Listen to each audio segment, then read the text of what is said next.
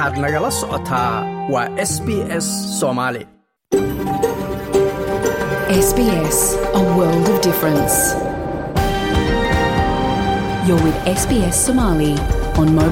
Somali on radio.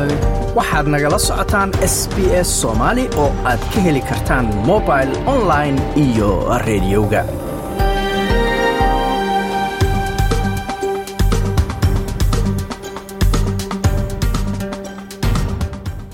habeen wanaagsan dhammaantiinba meel kastoo aad joogtaan. Waa habeen jimcaha bisha februaayan ay tahay labaatan iyo afar sanadka labada kun iyo labaatan iyo saddexda.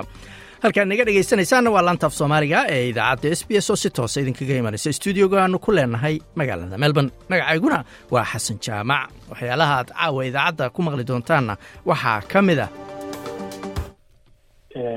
Qofka markay rabaan guri gurigooda qaabilsan hadday la xiriiraan inay telefonka wacaan haddii guriga wax ka hadlaysan yahay waa call center ina inay wacaan ayay noqotay. Call centerka dadka markay wacaan telefonka waxay ku jiraan ilaa hal saac ku dhawaad. Mararka qaarkood waxaa laga yaabaa ayagoo telefon ku jiro oo hal saac telefonka waiting ku jiray inuu numberkii uu telefonka inuu jarmado xafiisyada looga adeego guryaha dhaadheer ee dowladda ee magaalada melbourne oo dib loo furay kadib dhowr sano oo ay xirnaayeen. Cawil xasan xuseen ayaa nooga warami doona. Sidoo kale waxaad maqli doontaan? Meelo waxaa jirta laga caawiyo oo lagu xareynayo cunugaas inta uu yani la soo qabsanaayo habka ama waxa dhibaa la ogaan karo.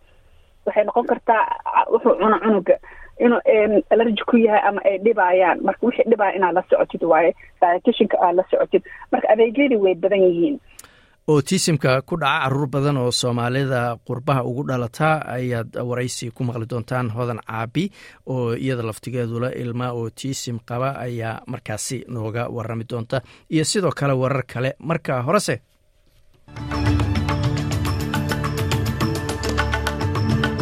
wararka caawa waxaa ugu waaweyn barnaamij wax looga qabanayo dembiyada ay galaan dhallinyarada yaryar ee gobolka queensland ayaa lagu dhawaaqay mucaaradka federaalkuna. Waxa ay ku eedeeyeen ra'iisul wasaare antony albanisi inuu siyaasadaynayo aftida loo qaadayo cod ay dadka dalkan loogu yimid ku yeeshaan baarlamaanka federaalka ee dalkan australia.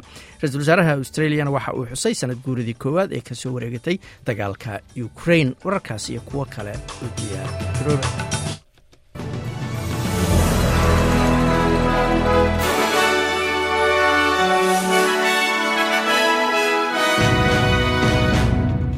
haddana waa warkii oo dhammaystiran. Dowladda queensland ayaa ku dhawaaqday tijaabo carruurta dembiyada gala lagu xirayo qalabka g p ta oo dhaqdhaqaaqooda lagula soconayo. Arintan ayaa ka dhacaysa baa layidhi magaalada tuwumba ee gobolka queensland. Tan ayaa imanaysa kadib markii dadka magaalada degan ay caro weyn ku muujiyeen kulan magaalada ka dhacay oo looga hadlayey dembiyada ay galaan dhallinyarada ama caruurtu qalabkan elektroniga ee lagula soconayo ayaa markii ugu horreysay horey waxaa loogu tijaabiyey dhalinyaro dembiye galay oo da-doodu ka weyneyd lix iyo toban sano kuwaas oo ka dhacay magaalooyin ay ka mid tahay townsville waqooyiga brisbane iyo gold coast. Arrintaas oo la sameeyey sannadkii labadii kun iyo labaatan iyo kowdii. Premiyeeradda gobolkaasi anastasia palashay ayaa sheegtay in tijaabadan ay saameynayso dhallinyarada da-doodu ka weyn tahay shan iyo toban sano I really heard the heartfelt views, especially of victims of crime. Waxaan runtii dhegaystay ayay tiri aragtiyo qalbigooda ka soo go'ay dad markaasi dhibanayaal u ahaa dembiyo. Marka waan fahansanahay bay tiri inay jiraan dad soo maray dhibaato ay tahay inaan qofna marin.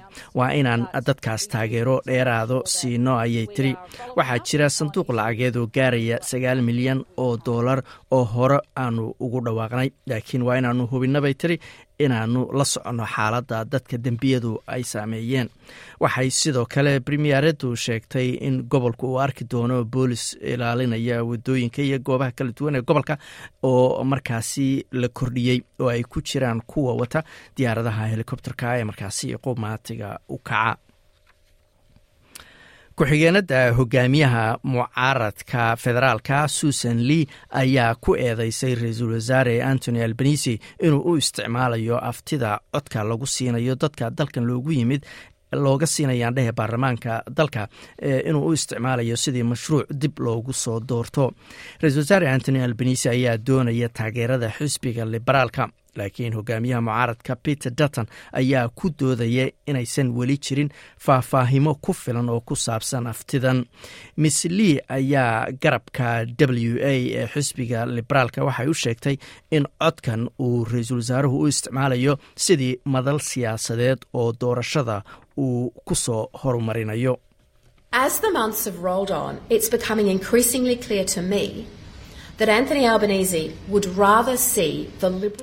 Bilba bisha ay ka dambayso waxaa aniga iisii caddaanaysa ayay tiri in antony albanisi uuba jeclaan lahaa inuu arko in xisbiga liberaalku uu maya yidhaahdo sidaasna aftidu ay ku guuldaraysato intuu raadin lahaa in xisbiga liberaalku haa yidhaahdo sidaasna aftidu ay ku guulaysato. Waa taas bay tiri gunta sida arintan ay u wadaan.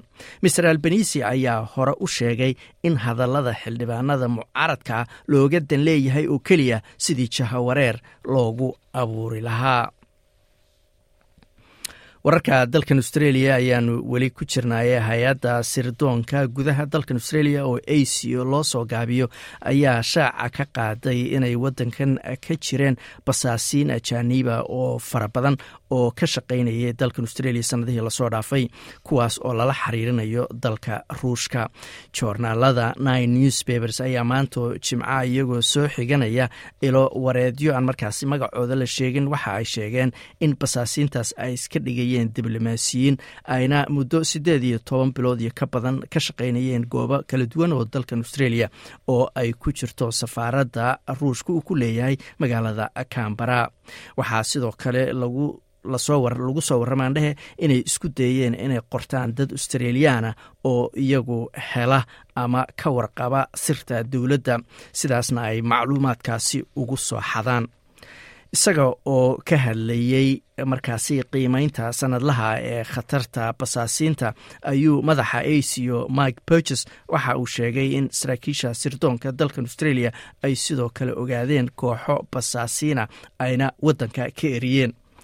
mr burges ayaa sheegay in tiro badan oo basaasiintaasu ay si qarsoodiya u shaqaynayeen qaar ka midana markaasi sannado ka hor ay waddanka soo galeen halkaad weli nagala socotaan waa laanta af soomaaliga ee idaacadda s b s tirada asbuuclaha ee kaysaska coronaviruska ee dalkan australia ayaa waxoogaa kordhay ayaa layidhi iyadoo wadanku australia uu hadda ku sii siqayo in la soo afjaro in warbixinta asbuuclaha ee markaasi khasabkaaba la joojiyo celcelis ahaan tirada dadka kaysaska ama dadka coronaviruska ku dhacay ayaa hal dhibic labo kordhay ayaa layidhi. Marka loo barbardhigo toddobadii maalmood ee ka horeysay iyadoo uu gaaray laba kun iyo lix boqol oo kays asbuucii la soo dhaafay. Iyadoo tasmania ay ahayd meesha ugu badan ee laga diiwaangeliyo kaysaska iyadoo ay kordheen waa kaysaska tasmaniya soddon iyo afar dhibic saddex boqolkiiba. Tirkoobka guud ayaa muujinaya in gobolka new south wales laga diiwaangeliyey lix kun oo kays halka toddobadii maalmood oo u dambeysay halka queensland laga diiwaangeliyey saddex kun sagaal boqol iyo konton iyadoo saddex kun oo kalena laga diiwaangeliyey gobolka victoria. Guud ahaan boqol iyo labaatan iyo laba qof ayaa naftooda ku waayay ayaa la yiri xanuunkan awgiis muddo toddobaada ra'iisul wasaaraha dalkan australia antony albanisi ayaa ku xusay sanad guuradii koowaad ee ka soo wareegatay markii ruushka uu ku duulay ukraine isagoo ugu baaqay madaxweynaha ruushka inuu dagaalka joojiyo ciidankiisana kala baxo dalka ukraine. Boqolaal kun ayaa ku dhintay dagaalkan hadda galay sannadkii labaad iyadoo magaalooyinka qaarkood dhulka lala simay malaayiin qofna ay guryahooda ka qaxeen. Australia ayaa ballan qaaday soddon iyo saddex milyan oo doolar oo dheeraada oo ukraine lagu siinayo diyaaradaha aan cidna wadin ee joneska la yidhaahdo si ay ukraine isaga caawiyaan xog si ay ukraine uga caawiyaan aan dhehe xog aruurinta dhanka sahanka iyo sirdoonka. Waxaa sidoo kale australia ay cunaqabateyno maaliyadeed ku soo rogaysaa sagaashan qof iyo afartan hay'adood oo ruusha.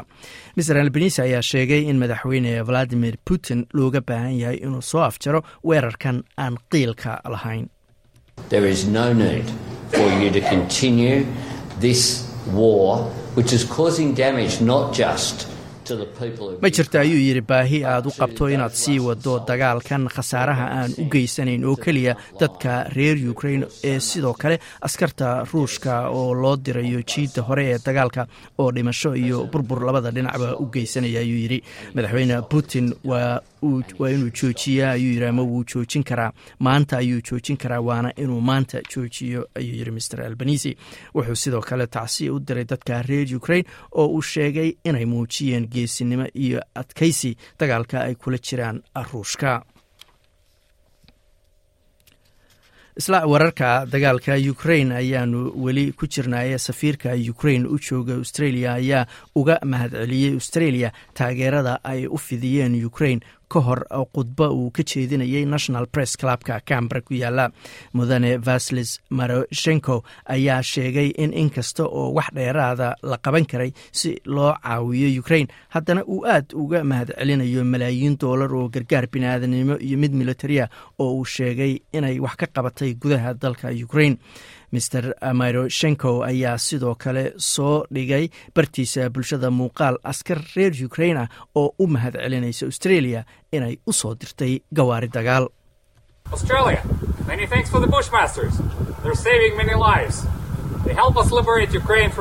Australia aad ayaan idinkaga mahad celinaynaa gawaarida dagaalka ee nooca bushmasterska loo yaqaano. Nafo badan ayay badbaadiyeen buu yidhi gawaaridan. Waxay naga caawiyeen inaan ukraine uga xoreyno ciidanka ruushka oo aanu ku difaacno dimuqraadiyadeedna xuquuqul bini'aadanka ukraine weligeed ma iloobi doonta ayuu yidhi taageeradiina. Wararka dibadda ayaanu weli ku jirnaaye waqooyiga kuuriya ayaa sheegtay inay tijaabisay afar gantaalood si ay u muujiyaan ayay dhaheen awoodda ay u leeyihiin inay bilaabaan dagaal ama weerar nukliyera warbaahinta dowladda ee dalkaasi ayaa sheegaysa in tijaabadan ay qeyb ka ahaayeen iyada oo tuurtay gantaalaha nooca cruiska ama strategic cruise missileska loo yaqaano kuwaas oo ay ku tuurtay badda bariga xeebaha bari ee korean peninsula. Iyadoo sida lagu sheegay warkaasi isu diyaarinaysa weerar celis weeraro uga yimaada markaasi xoogaga cadowga waxa ay ku tilmaameen. Tan ayaa imanaysa iyadoo maraykanka iyo koonfurta kuuriya sidoo kale ay ka qayb qaateen dhoolatusyo dhanka kombyuutarada lagu sameeyey oo diiradda lagu saarayay suurtagalnimada in waqooyiga kuuriya ay isticmaasho hubka nukliyerka ah saadaasha hawada berita oo sabtiya magaalada bet waa cadceed soddon iyo saddex bay gaaraysaa adelaide. Subaxi ayaa la filayaa waxoogaa roobaba labaatan iyo afar digrii bayna gaaraysaa. Melbourne waa roobab sidoo kale soddon iyo kow ayayna gaaraysaa. Magaalada sydneyna inta badan waa cadceed baa layidhi labaatan iyo toddoba digrii ayayna gaaraysaa. Brisbana waa qayb ahaan daruur iyo labaatan iyo sagaal digrii halkii australian dollar maanta waxaa lagu sarifayey lixdan iyo sideed senti oo lacagta ama doolarka maraykanka ah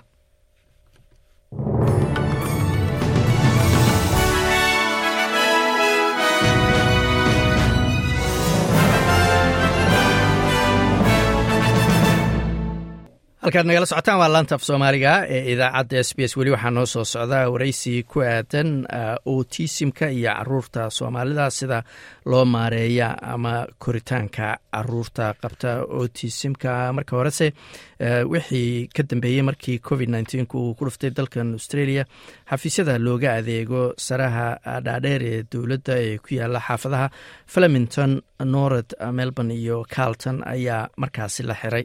Sanado badan ayayna ku qaadatay dadka meelahaasi degan inay helaan adeegyada ay u baahan yihiin iyagoo markaasi ololo u galay sidii dib loogu furi lahaa xafiisyadaasi cawil xuseen cawil xasan xuseen oo isagu ka tirsan jaaliyadda markaasi xaafadahaasi degan una ololeeya arrimahan ayaan weydiiyey bal xafiiskan xafiisyadan la xiray haddase dib loo furay howlaha ay qabtaan waxaanuu yidhi waxaan aniga la shaqeeyaa organisation melbourne somali community la dhaho oo dadka saraha dheer caawiyo. Xafiisyada waxay qaban jireen dadka saraha degan inay caawiyaan waxyaabaha ay u baahan yihiin caawimaad ay uga baahan yihiin. Sida bilmatalan haddii furihii uu ka dhumay inay xafiiska tagaan oo furo furaha loo bedelo foobka bahalka la dhaho oo guryo saraha lagu galo exceska saraha lagu galo haddii uu u shaqayneyn in ay foob cusub ka soo qaataan. Haddii guriga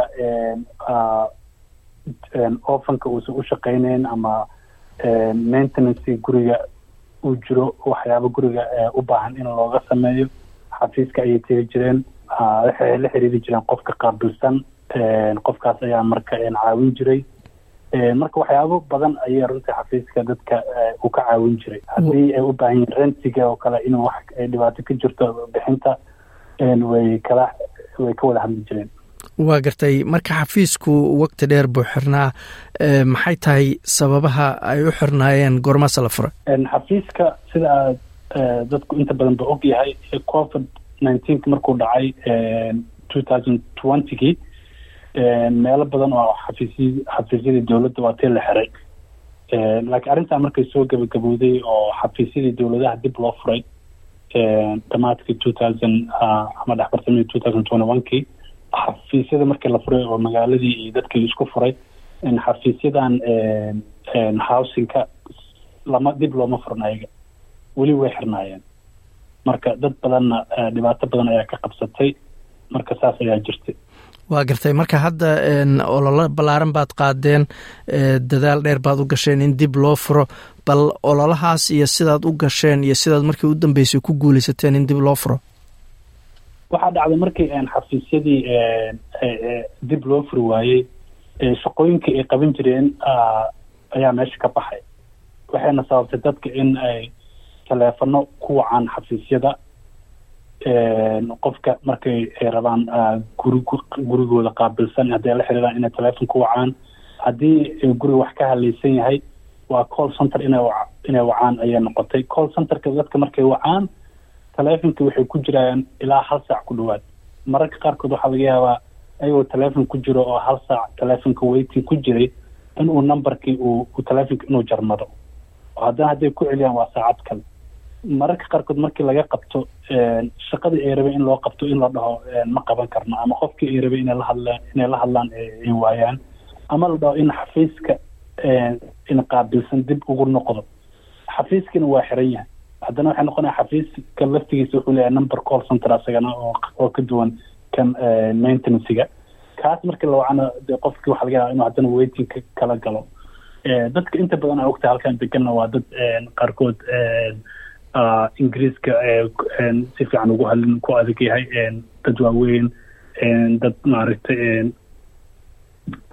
waxay ay dhahaan cultural and linguistic diversity luqad ahaan iyo culture ahaanba kaga duwan marka waxay u baahan yihiin in xafiiska intay tagaan wixii u baahan yihiin qof la hadlaan oo xataa si fiican oo xataa language ay isticmaalaan inay wax ugu sharaxaan dhibka ee qofka uu haayo marka ciladahaas dhan ayaa dadka soo wajahay marka annaga community organization ahaan anagoo dadka matalayno marar badan ayaan waxaan xiriir la sameynay xafiisyadaha dadka mas'uulka ka ah manajaradii waxay dheheen anaga arrinta arrin annaga naga sarreysa waayo oo ka imaatay headquarterka marka anaga markii amarkaana la siiyo keliyaan xafiisyada furi karnaa waa arrin dhinaca dowladda mataqaana ka socoto qeybta wasiirka guryaha ka socoto marka runtii waxaan la gaashanay xildhibaanka xaafadda oo ellen sandal dhaho oo xisbigan greenka ah in arrintan wax nagala qabato in arrintan baarlamaanka kaga hadasho in ay dowladda culeys ku saaraan in arrintan la fudeeyo oo xafiisyada dib loo furo. Waayo runtii dad badan ayaa dhibaato badan u keentay. Dad badan ayaa maaragtay waxyaabaha ay rabeen loo qaban waayey. Marka dhibaatooyinkaas badan ayaa jira. Runtii culeys badan ayaa saarnay. Wakti badan ayaa nagu qaadatay sanad ayaa nagu qaadatay in maaragtay two thousand twenty two gi dhan waxba lagama qaba arrintaas. Intaasna waa hadlaynay ama journaal waxa lagu soo qora ama teleefonaha lagu waco ama si toose emailnaha lagula xiriiro wasiirka arrimaha guryaha qaabilsan doorashadii xataa aad ba arrintaa uga hadalnay oo culeys ku saarnay in arrintan wax laga qabto. Runtii marka waktigaas ayaan gelinay dadaalkaas ayaan gelinay haddana waa miro dhalay. Waa gartay. Marka hadda xafiisyada dib loo furayo sidaan u fahmay midna wuxuu ku yaalaa sarax dhaadheer north melbourne mid waxaa ku yaalaa flemington mid wuxuu ku yaalaa carlton. Marka dadka xafiisyadaas ka shaqeeya ma ku jiraan dad bulshooyinkiina ka soo jeedo? Matalan qof af soomaaliga ku hadloo kale ma joogaa ama bariga africa dad ka yimid dad dhaqankii iyo afkii iyo bulshooyinka meelahaas degan garanaya? Hadda xafiisyada waa la furay waa saa sheegtay waa carlton waa north melbourne iyo flemington dib ayaa loo furay. Dadka inta badan ka shaqeeyo waxay u badan yihiin dad aan aan aan ka soo jeedin afrikaanka ama dadka saraha degan. Laakiin dhowr qof la shaqeeya waa jiraan. Laakiin muhiimadda waxay tahay dadka markay xafiiska tagaan turjumaan ayuu ku xeesan karaa. Qof turjumaan ayaa meesha ugu imaan karo oo marka u turjumi karo. Awalta arrintaas ma aysan jirin waayo qofkii dee xafiis u tagaa ma lahanba qofka hadduu turjumaan xataa wadan telefon ayaa waxaa lagu wacayaa dadka turjumaanka telefonada turjumaanada. Markaas telefonka qofka ugu sharaxaya ayagoo soo la joogo qofka officerka qaabilsan. Marka hadda runtii dadku aad bay u faraxsan yihiin maadaama xafiisyadii dib loogu furay qof kasta dhibkuu qabo isla marka xafiiska ayuu tegayaa. Hadduu u baahan yahay inuu balan la samaysto officerka gurigiisa qaabilsan balan ayuu la samaysanayaa haddii u baahan yahay guriga waxyaaba badan waxaa jira oo call centerka waxba ka qaban karin oo inaad toos xafiiska ugu tagtid ah oo markaas wax laga qaban karo. Haddaa rabti inaad furo ka soo qaadatid community rooms ay leeyihiin oo dadku isticmaalaan waa inaad xafiiska ka soo qaataa furaha haddii aa u baahan tahay landry oo kale iyo haddii halaysan yihiin ama washing machineka dharka lagu dhaqdo waa inaad xafiiska tagtaa. Haddii aan saan hor u sheegay furo kaa dhuma ama foobka u baahan tahay inaad sarta ku geshid waa inaad xafiiska tagtaa.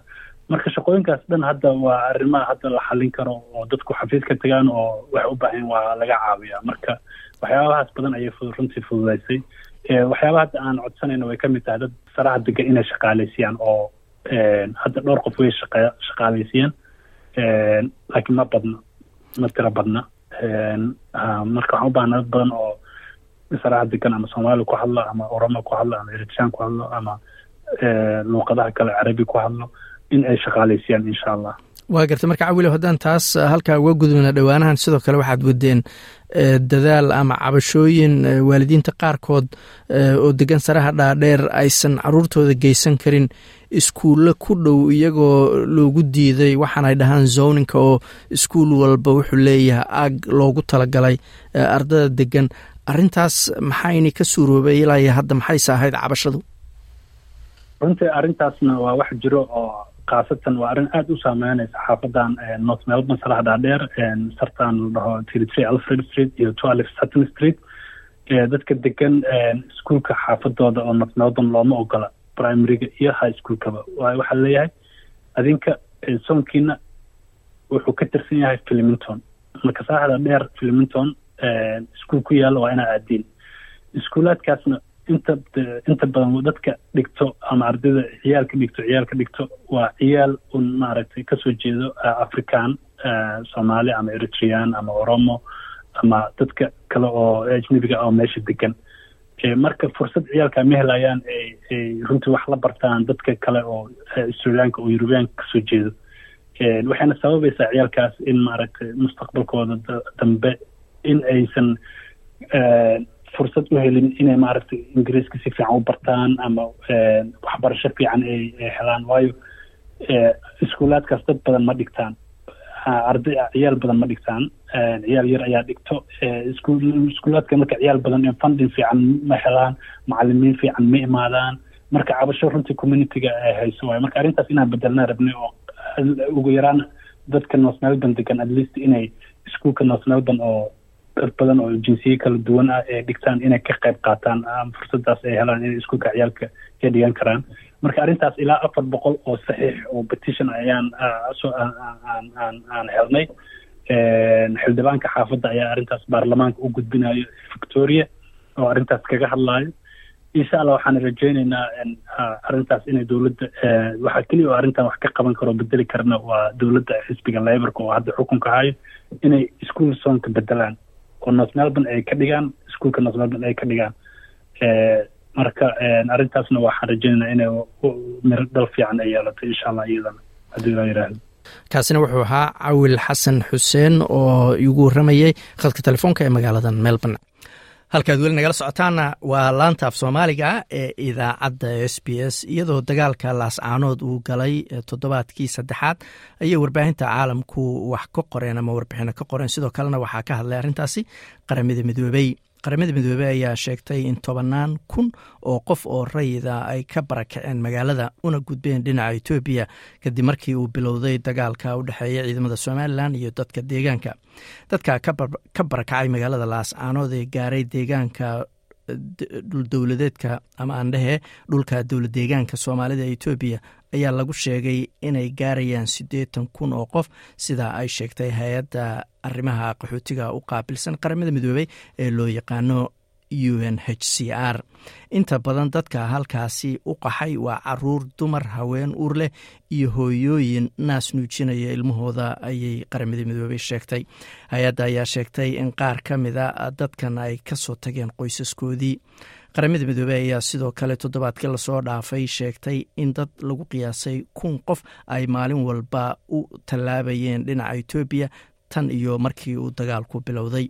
Dhanka kalena joornaalka guardian ee ka soo baxa dalka u k ayaa lagu qoray in tobannaan kun ay ka qaxeen colaadan ay ku dhinteen ugu yaraan siddeetan iyo labada qof. lixdan kun oo qof ayaa ka qaxay magaalada ayaa lagu qoray joornaalka kadib dagaalka dhex maray dadka deegaanka iyo ciidamada somalilan qaramada midoobey ayuu joornaalku ka soo xigtay in siddeetan iyo sagaal boqolkiiba boqol iyo siddeetan iyo shan kun oo qof oo dalka gudihiisa ku barakacay oo ka soo qaxay laascaanood iyo agagaarka markaasi ay ahaayeen haween iyo carruur ciidanka somalilan ayuu yiri joornaalku waxaa lagu eedeeyey inay xabado ku fureen dad ku mudaharaadayay magaalada lagu muransan yahay ee laascaanood marcus virgil hun oo ka tirsan jaamacadda libsig kuna takhasusay waqooyiga soomaaliya ayaa sheegay in dagaalku uu qasbay ama ku khasbay aandhehe dadkii deegaanka inay miyiga u qaxaan taasina culays saartay quudkii iyo biyihii halkaasi laga heli jiray. Wuxuu sheegay in sagaashan boqolkiiba dadkii ay ka barakaceen magaalada laascaanood haddana ay ku hareen oo keliya dagaal yahano wuxuu intaa ku daray in iyadoo awalbaa lagu jiray waqti abaara oo aysan jirin cunto iyo biyo ku filan dadka reemiyiga ah haddana dadkaas badan ee ku qaxaya ay xaaladda uga sii darayaan.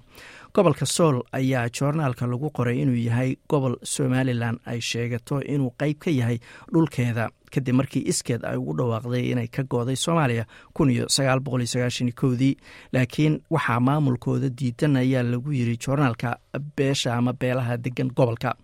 Xiisadda ayaa ka casanayd ayaa lagu yiri joornaalka wixii ka dambeeyey dhammaadkii bishii disembar markii la dilay cabdifataax cabdulaahi cabdi oo ahaa xubin ka tirsan mucaaradka. Falkaas oo dhaliyey dibadbaxyo iyadoo ciidanka somalilan lagu eedeeyey inay xabado ku fureen dibadbaxayaashii halkaasina ay ku dileen labaatan qof. Markii dambena taasi ay sababtay in ciidanka somalilan ay ka baxaan laascaanood bishii janaayo. Dagaalka ayaase bilowday bishan febraayo markii waxgaradka dadka deegaanku ay ku dhawaaqeen inaysan mar dambe qeyb ka noqon doonin somalilan. Taas beddelkeedana ay noqonayaan gobol hoos yimaada dowladda federaalk ee soomaaliya rofeor hon ayaa sheegay in colaadan ay ka turjumayso dhibaato qoto dheer oo la xiriirta halka xadka somalilan uu yahay iyo in dhammaan dadka ku jira gudaha xadkaasi ay doonayaan inay qeyb ka noqdaan goosashada iyo in kale. Dowladda somalilan ayaan wax weyn ka soo qaadin ayuu yiri cabashooyinka dadka deegaanka waxayna somalilan ku dooday in al-shabaab ay ku soo dhex dhuumatay si ay qas halkaasi uga abuuraan. Laakiin nicholas delany oo bariga iyo koonfurta africa u qaabilsan hay'adda xasaaradaha caalamiga ee international crisis group ayaa sheegay in somalilan aysan keenin caddaymo cadcad oo muujinaya in al-shabaab ay ku lug leedahay colaada laascaanood loona baahan yahay in arrimaha qotada dheer ee ka dambeeya colaadan wax laga qabto waxa somalilan ay isku dayeysa ayuu yiri marka ay leedahay argagixiso ayaa qeybka dagaalka. Waa inay magaca ka disho dadka ka soo horjeeda ayuu yiri mr delany xanuunka otisimku waxa uu ku dhacaa ama laga helaa carruur badan oo ay dhaleen soomaalida gaar ahaan kuwa ku nool qurbaha ama dalalka reer galbeedka. Haddaba sidaa loola tacaalo carruurta xanuunkaasi qabta iyo weliba sida ay uga caawiso waalidiin caruurtaas haysta laftigeeduna ah hooyo markaasi leh ilmo qaba otisimka hodan caabi ayaan dhowaan khadka telefoonka waxaan ku weydiiyey bal inay arintaasu iiga waranto waraysigiina sidan ayuu dhacay runtii aniga hooyo waxaan ahay afar ilmood haysato. Xagga autismkana waa condition ama developmental delay waxaa la dhaho ama daahitaanka koritaanka ilmaha maskaxdooda. Marka qeybo ambarella ahe leedahay oo yacni aada u ballaaran ilmaha mid mid lamida ma jiro. Marka loo fiiriyo soomaalida wax nagu cusub waaye ma ahan yani inuusan jiri jirin laakiin annaka waa nagu cusub yahay. Hab yacni oo aada iyo aadna sanad sanadka ka dambeeya ilmo badana lagu sheegaa. Oo maxaa la dhahaa aada buu nagu soo badanaya. Maadaama anaga aan percentage jarnahana taas waa numberkeena u badan yahay. Waa garta marka maadaama adigu aada hooyo tahay oo ilmaha u qabaan maxaa ugu muhiimsan oo ay tahay dadku inay fahmaan markay noqoto ilmo qaba autism midda ugu muhiimsan waxa waaye yacni autismka waxa waaye neurological condition ama maskaxda wax ka socdo oo developmental delay ku ridayso ama qofka maskaxdiisa koritaanka maskaxda sida caadiga uma korayso. Ha marka ilmihii hab uga duwan yahay marka waa inaad la socotaa ilmaha waxa lagu yaqaano markay dhashaan markay muxuu ahaa bilaabaan inay isgediyaan inay gurguurtaan waxyaala milestone ay leeyihiin yani isbedelaad haddaad ka aragta isbedelaadkaasoo dib u dambeeyo waa inaad dhegaysataa horta horta hooyo haddaad tahay waaba waa ufoojigtan tahay. Haddii cunug kuugu horreeya yahayna dadkaa wareysanaysaa. Marka badanaa maternal healthiga baa kugu highlight garaynayso maadaama uu laba iyo tobanku bilood ama ilaa saddex sana barka ugu horeysaba ayaga kula socdo. Marka hadday ayaga wax kula tilmaamaan ha ka niyad jabin ee us dhagaha u fur badanaa waxa waaye hooyo haddaan nahay inaan wax lagu sheego mar ilmo healthy aan rabnaa efogan laakiin haddii lagu dhaho cunugaaga muusan gaarin habkii ama hadalkii laga rabay ama milestonekii laga rabay ma gaarin. Waa inaad dhegaysataa oo adiga research samaysaa. Taasaan kula tacaali lahaa badanaa waalidka especially hooyada. Waa gartay marka ma jirtaa in waalidiinta qaarkood ayba qariyaan in ilmahoodu ay autism qabaan iyagoo ka baqaya in bulshada dhexdeeda la ceebeeyo ama la cambaareeyo? Runtii waa waxa yacni aan way jirtaa. Badanaana waxay ku xiran tahay waalidka iyo how how educated they are oo iyo siday confidence ay isugu leeyihiin ilmahooda inay yacni u dadaalaan. Qof rabo inuu cunugiis dib u dhaca ma jiro. Ilmahana wax ilaahay u keenan waayo wax oo yacni guri lagu qariyo oo laga la qariyo ma ahan. Ilmaha markaa cunug dhasho waa lagu waa lagu soo waa lagu leeyahy maasha allah cunugaada dhashay congratulation mabruk marka haddii aad wax ku aragtid ka duwan cunuga in aad cunugii rightkiisa aad yacni accessible waxyaalo uu u leeyahay aad ka xirtid looma baahna. Marka badanaa waa ka xumahay waarid waa jiraan oo qarinayaba denial ah because aniga waxaa ka shaqeeya early childhood. Waan arkaa waaridii ajinadi ah oo qarinaya markaad cunuga foomka a ku tiraado cunugaaga ma jiraa waxyaalo la dhaho developmental delay maya aba lagu leeyahay crossaa la saaraa. Markaas cunugii markii lagu keeno ama educatorka wuxuu leeyahay maxay tahay cunuga anayto habkii ama laga rabay ama hadaladii ma lahan. Waaridka marka dib loogu soo noqdo waa inkiraya marka ta annaga taa kama duwanin soomaali haddaan nahay. Marka way jirtaa laakiin waxay hala oo aan dadka ula talin lahaa waxaa la dhahaa jiro early intervention oo aada muhiim u tahay ka hortaga cunuga damo aad dilay garaysid ama dib u dhigtid waxyaalihii accessibleka u lahaan lahaa ama ha noqoto speechka hadalkii la baraayo ama socialkii. Wixii dibay u dhigaysaa haddow markuu kugu weynaado adiga dhibay kugu noqonaysaa. Because marka xaggee ka bilaabaysaa cunug weliga ma aduu kugu ataaj garaysnaana markuu dhowr labaatan jir ma gurigaa ku haysanaysaa waa la sii duquubaya marka intuu yar yahay waay markay sheekada ee ay leedahay wax katar ama kalkaalinta cunugaas meeluhu u baahan yahay. Waa garta. Marka early interventionkaas oo ah in cunugu intuuba yar yahay wax laga qabto dadku xaggee talooyinkaas caafimaad ama adeegyadaas xaggee ka jiraan ma doontaan ma ku adag tahay waalidiinta hooyooyinka soomaalida inay doontaan adeegyadaas runtii way jiraan meelo badan oo waa inaad taqaanaa oo experience u leedahay ama aad dadka yaqaana aada weydiisaa sida maternal healthiga oo kaleento ama adiga research aad samaysaa. Internetka hadda informationka meel kasuu daadsan yaha laakiin waxaa u baahanta information oo dhab ah oo ay dowladda soo diyaarisay. Ani badanaa waxaan rilaygareeyaa ama aan mo xooga saaraa better health channel. Kaasaa ku macneynayo waxyaalihii ku saabsan disabilityga n d a s ka servisyada speechka yacni iyo occupational therapyga psychologistga. Ilma xataa waxaa jira dhibka ugu badan waxa waa ilmaha inay xoogaa sleepka batanka ay ka halaawdo meelo waxaa jirta laga caawiyo oo lagu xareynayo cunugaas inta uu yacni la soo qabsanayo habka ama waxa dhibaa la ogaan karo. Waxay noqon kartaa wuxuu cuno cunuga inuu allergy ku yahay ama ay dhibayaan marka wixii dhibaya inaad la socotid waaye dietitianka aad la socotid. Marka adeegyadii way badan yihiin early intervention childhoodaa jiro oo isagana oo brotherhood st lauren oo qof ku adeejinayo guriga kuugu imaanayo gurigii cunuga fiirinayo. Haddii wax aad ka tabanaysid ay jiraan ama maternal child healthga ay ku sheegayaan oo ku saabsan developmental delayga say kaaga caawin lahaayeen si aad hadhow funding u hesho cunugaas oo speechka u geysid o t ga u geysid. Marka servisyada waa badan yihiin. Aqoon la'aanta waxa waaye meesha laga bilaabo qofka hadduusan aqoon oo kalento aniga maadaama aan already aan systemka afar sano ku soo dhex jiray qofka waan dhihi karaa halkaas ka bilaaw adeegaas doono meeshuu degan yahay ku xiran tahay cunuga heerkuu jiray ku xiran tahay ilaa ay shan wixii ka yarna kuwa u xil saaran ilaa ay lix sano wixii ka ka sarreeyana oo markuu iskuolka ilmaha gaarana kuwa u xil saaran sidii lagaaga caawin lahaa cunugaaseeto waa garta marka hooyooyinka soomaalida oo kale waxaan is leeyahay qaarkood luqadda ama afkaa laga yaabaa inuu dhib ku yahay oo aysan internetka oo kale wax ka raadsan karin. Marka maxaa xal u ah iyagoo kale? Wallaahi hortooda waa aqoon la'aan waa iftiin la'aan. Soomaalida ku mahmaahdaa haddii aad awoodin adiga oo informationkaas meel aad ka heli karin qof kugu caawiyo waa waa heli kartaa.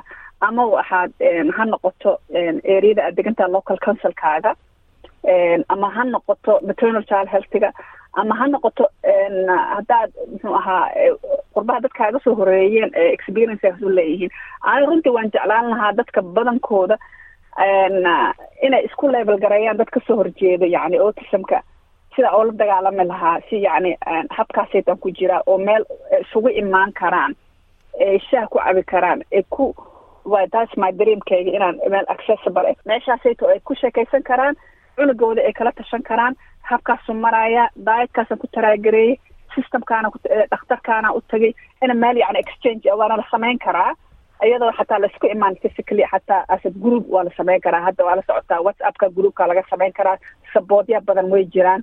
Xataa kuwa jira way jiraan oo around the world isku xiran. Maraykanka ingiriiska soomaali africa joogto ilaa australia groupyo way jiraan oo autism somali community ah.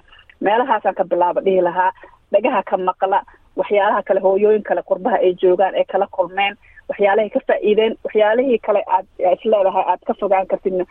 Marka waa jiraa systemki waxaa loo baahan yahay dhagadhuglaan iyo inuu qofka u uxirxiran yahay inuu cunugiisa wax isbeddel ku dhaliyo iyo siduu asaga naftarkiisa isku educate gareen lahaa. Waa garta. Marka hodanay daraasado badan oo laga sameeyey yurub iyo waqooyiga america waxaa lagu ogaaday in carruurta soomaalidu ay dhaleen oo wadamadaas degan ay afarlaab ka badan yihiin xanuunkan ama autism inuu ku dhaco marka loo fiiriyo bulsho weynta halkaas degan inkastoo daraasadahaas aysan caddayn sababta keentay arrintaas. Markaad hooyooyinka soomaalida la sheekaysanay sidoo kale maxay ku sheekaystaan oo u sababeeyaan in autismka uu keeno ama sababta caruurtooda ay ugu dhacdo?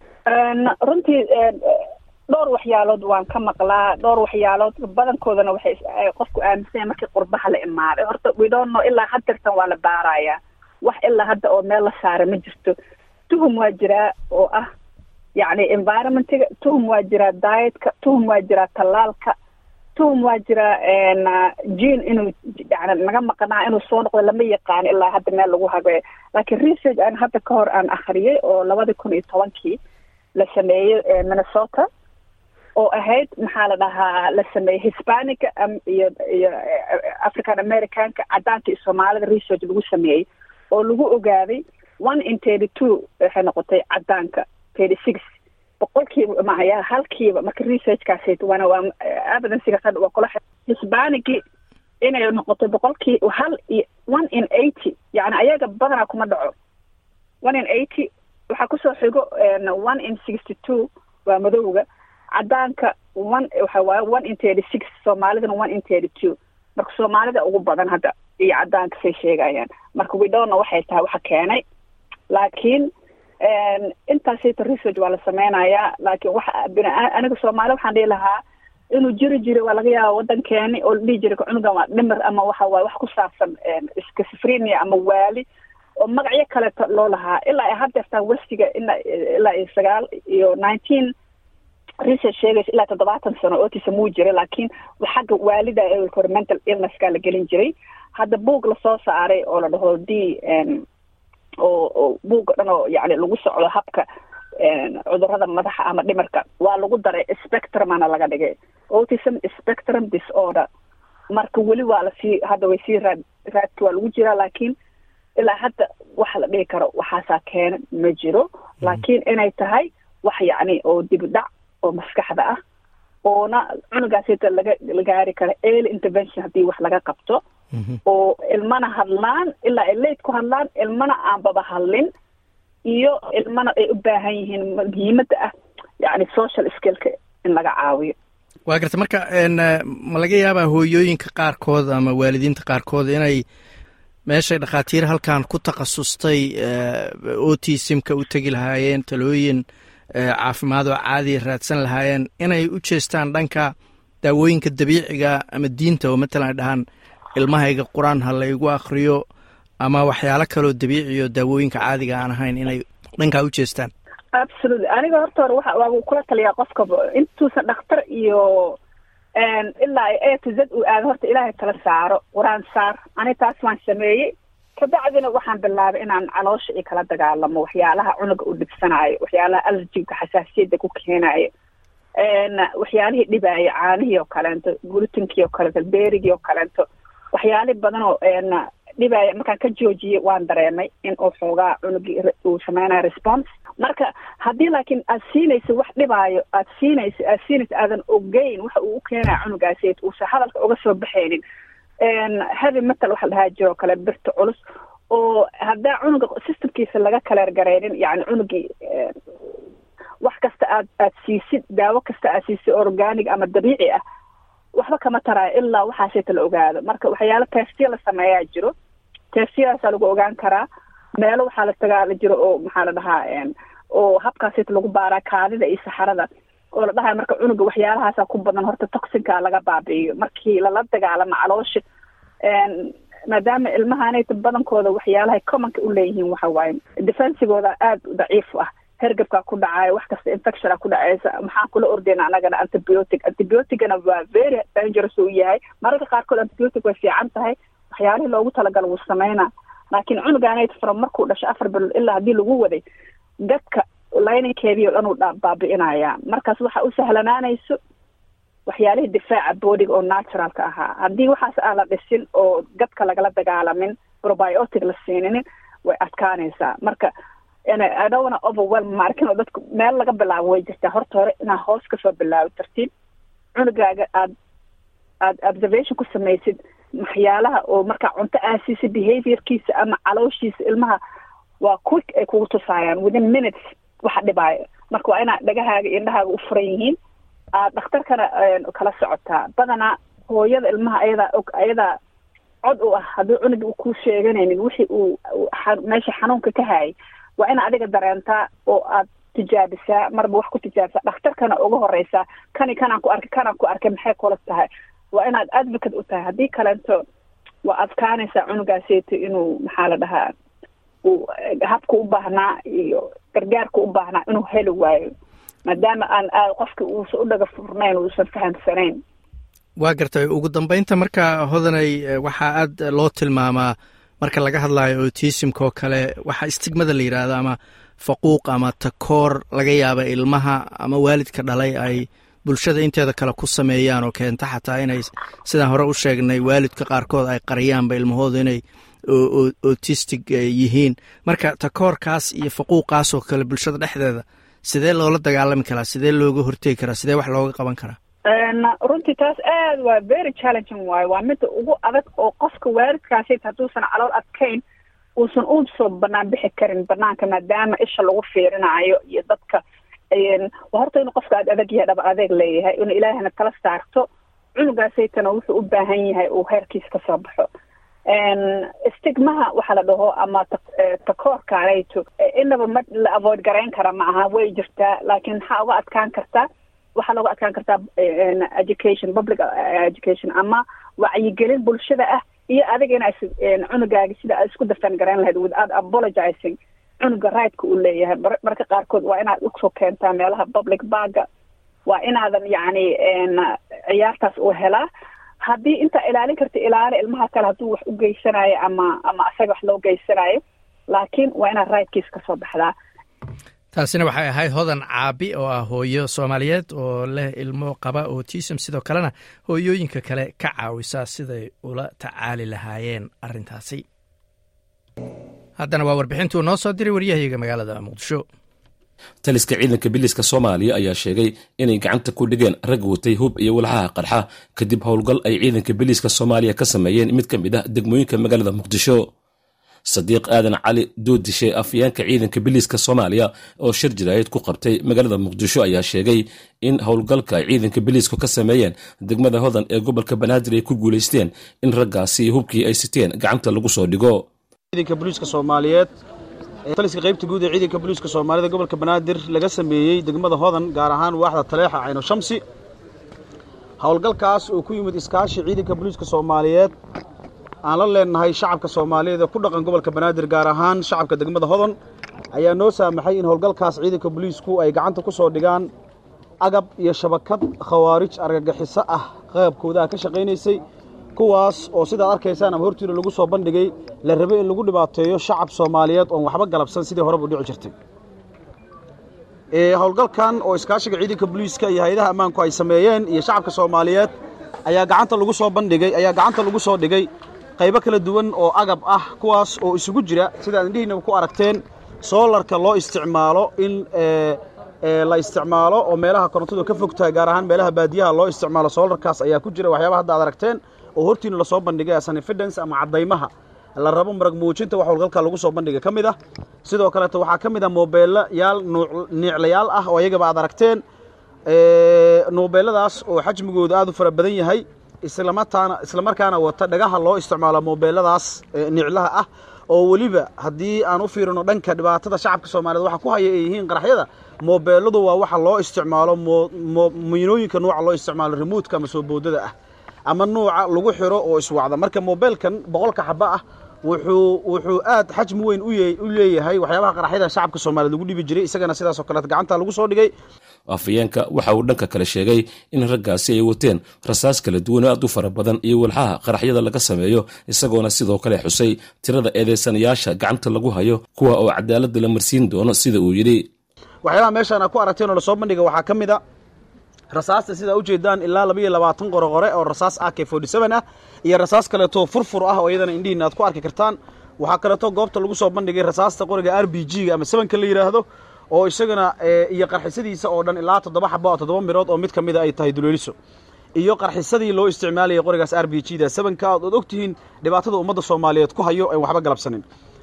Waxaa ku jira bateriyaasha nuuca loo isticmaalo motobajaas iyadana sidoo kaleeto loo isticmaalo qaraxyada soo boodada ah oo iyagana goobta yaalla ama exhibitka meesha a ku aragteena tooshash ayaa ku jiray oo khawaarijtu ay ugu tala gashay inay u isticmaasho si ay ugu dhibaateeyaan shacabka soomaaliyeed oon waxba ka galabsan eedaysanayaasha halkaa lagu soo bandhigay oo alaabta lala soo qabtay ayaa isugu jira. Ilaa siddeed eedaysane oo isugu jira laba eedaysane oo xamaali ahaa oo alaabta qaadayey hal eedaysane oo ahaa gaarigii iyo gaadiidka aad soo aragteen caasigii lagu qaadi laha alaabtan laguna daabuli laha si loo geeyo magaalada sakow. Waxaa ku jiray hal wade mootada saddex lugaaleyda oo ayadana xamuulka lagu daabulo. Sidoo kaleeto waxaa ku jira saddex eedaysane oo iyaguna ahaa kuwii baqaarka iska lahaa ceedaysanayaashan iyo agsibitkan meesha lagu soo bandhigay ayaa ku yimid iskaashi ciidanka booliiska soomaaliyeed. Ama hayadaha kale ammaanka soomaaliyeed aan la leenahay shacabka soomaalida iyo sharafta iyo qiimaha badan waa u mahad celinaynaa cid walba oo qayb ka noqotay in agabka noocaana gacanta lagu soo dhigo lagana hortago in lagu dhibaateeyo shacab soomaaliyeed oon waxba galabsanin. Sidaas daraaddeed maantay shirkeenna jaraa'id intaasuu ku egyahay. Wuxuu intaa dhaama waxaan ku wareejinaynaa maxkamadda awoodda u leh si ay cadaaladda u maraan ama loo waafajiyo cadaaladdu wax ay ka qabto dhanka kale shirweynaha waxbarashada dugsiyada gobolka banaadir oo maalmihii la soo dhaafay ka socday muqdisho ayaa ugu dambayntii la soo gebagabeeyey iyadoona laga soo saaray warmurtiyeed dhowr qodob ka kooban shirweynahan oo ay ka qayb galeen aqoonyahanno kala duwan iyo maamulayaasha dugsiyada gobolka banaadir ayaa waxaa intii uu socday lagu soo bandhigay doodo ku aadan caqabadaha haysta waxbarashada aasaasiga ah ee dugsiyada caasimadda ku yaalla iyo sidii kor loogu qaadi lahaa iyadoo la adeegsanayo teknolojiyada casriga ahi. Waxaana ugu horeyntii halkaasi ka hadlay agaasimaha agaasinka waxbarashada gobolka banaadir cabdilfataax axmed bare ka agaasin ahaan waxay noo tahay ama noo samaynaysaa macno gooni ah in bulshada ee fadhiistaan si gaar ah u falanqeeyaan qodobo ayagu ay ku dareemayaan inay caqabad tahay ama ayaga dhexdooda ka jirto ama dowladda ha ku qabaan ama ha ku qabaan dad kaleo adeeg waxbarasho bixinayo at the same timena loo xuluush laga soo gaaray iyo wixii ka soo baxayna lala wadaagayo agaasinka wax weyn u tahay. Maxaa yeelay maalintaan xafiiska imaaday ilaa hadda waxaan ku jirnaa inaan akhrinayno dib u fiirinayno caqabadaha waxbarasho ee gobolka banaadir ka jiro. Waxay ka bilaabanayaan dadka adeega bixinayo agaasinka. Maxaa adeega agaasinka uu baxsho ee bulshadu caqabad ku qabtaa? Maxayse ku diirsatay? Yacni waa la soo shaqeeyey cambaaraa la soo shaqeeyey howl kastoo la soo shaqeeyo. Waxay leedahay dadaa soo alifaan dadaa soo diyaariyaan nidaamay ka diyaariyaan way soo bandhigaan. Kadib markii la fulinaayo waxbaa ka soo laabto. Weliba markii waqti fiican la fulinaayo laba sano saddex sano la fulinaayo waxbaa ka soo laabto cashiraa laga bartaa waxaan ku jirnay cashir barashadii koowaad. Agaasinka adeegyadii u baxsho inaan dib u fiirino ardayga soomaaliyeed iyo bahda waxbarashada. Maxay ku diirsadeen? Maxayse caqabad ku qabaan? Maxaa laga xali karaa? Maxaa deg deg loo xali karaa? Maxaa dib looga tasha karaa?